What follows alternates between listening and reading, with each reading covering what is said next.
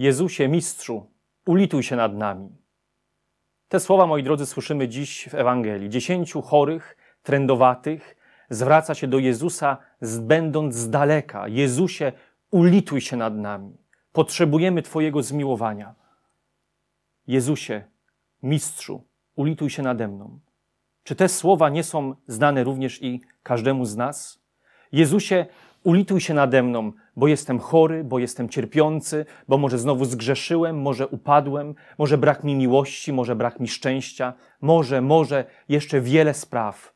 Dopomóż mi, proszę Cię o to. Bardzo często w naszym życiu mamy taką postawę prośby. O wiele Pana Boga prosimy.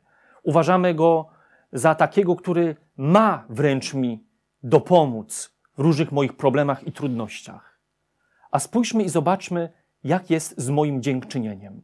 Wśród tych, których Jezus uzdrowił, tylko pojawił się jeden Samarytanin, jeden, można powiedzieć, nieprzyjaciel Żydów, który przyszedł, upadł i podziękował. Jaka jest proporcja w moim życiu? Prośby w modlitwie i dziękczynienia.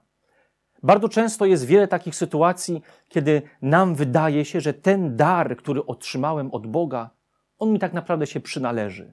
Tak musi być. Wstałem, widzę, chodzę, słyszę, smakuję, wiele innych rzeczy. Tak po prostu musi być. A czy taka jest prawda? Wielu takich łask, takich darów niestety nie ma. I bardzo, bardzo często prosimy. A zobaczmy, jak mało dziękujemy. Spróbuj dziś w swoim życiu podziękować Panu Bogu za te małe, drobne rzeczy, które na co dzień od Boga otrzymujesz, może bardzo prozaiczne. I zobaczysz, że dziękując, sprowokujesz Pana Boga do tego, aby On dawał Ci jeszcze więcej.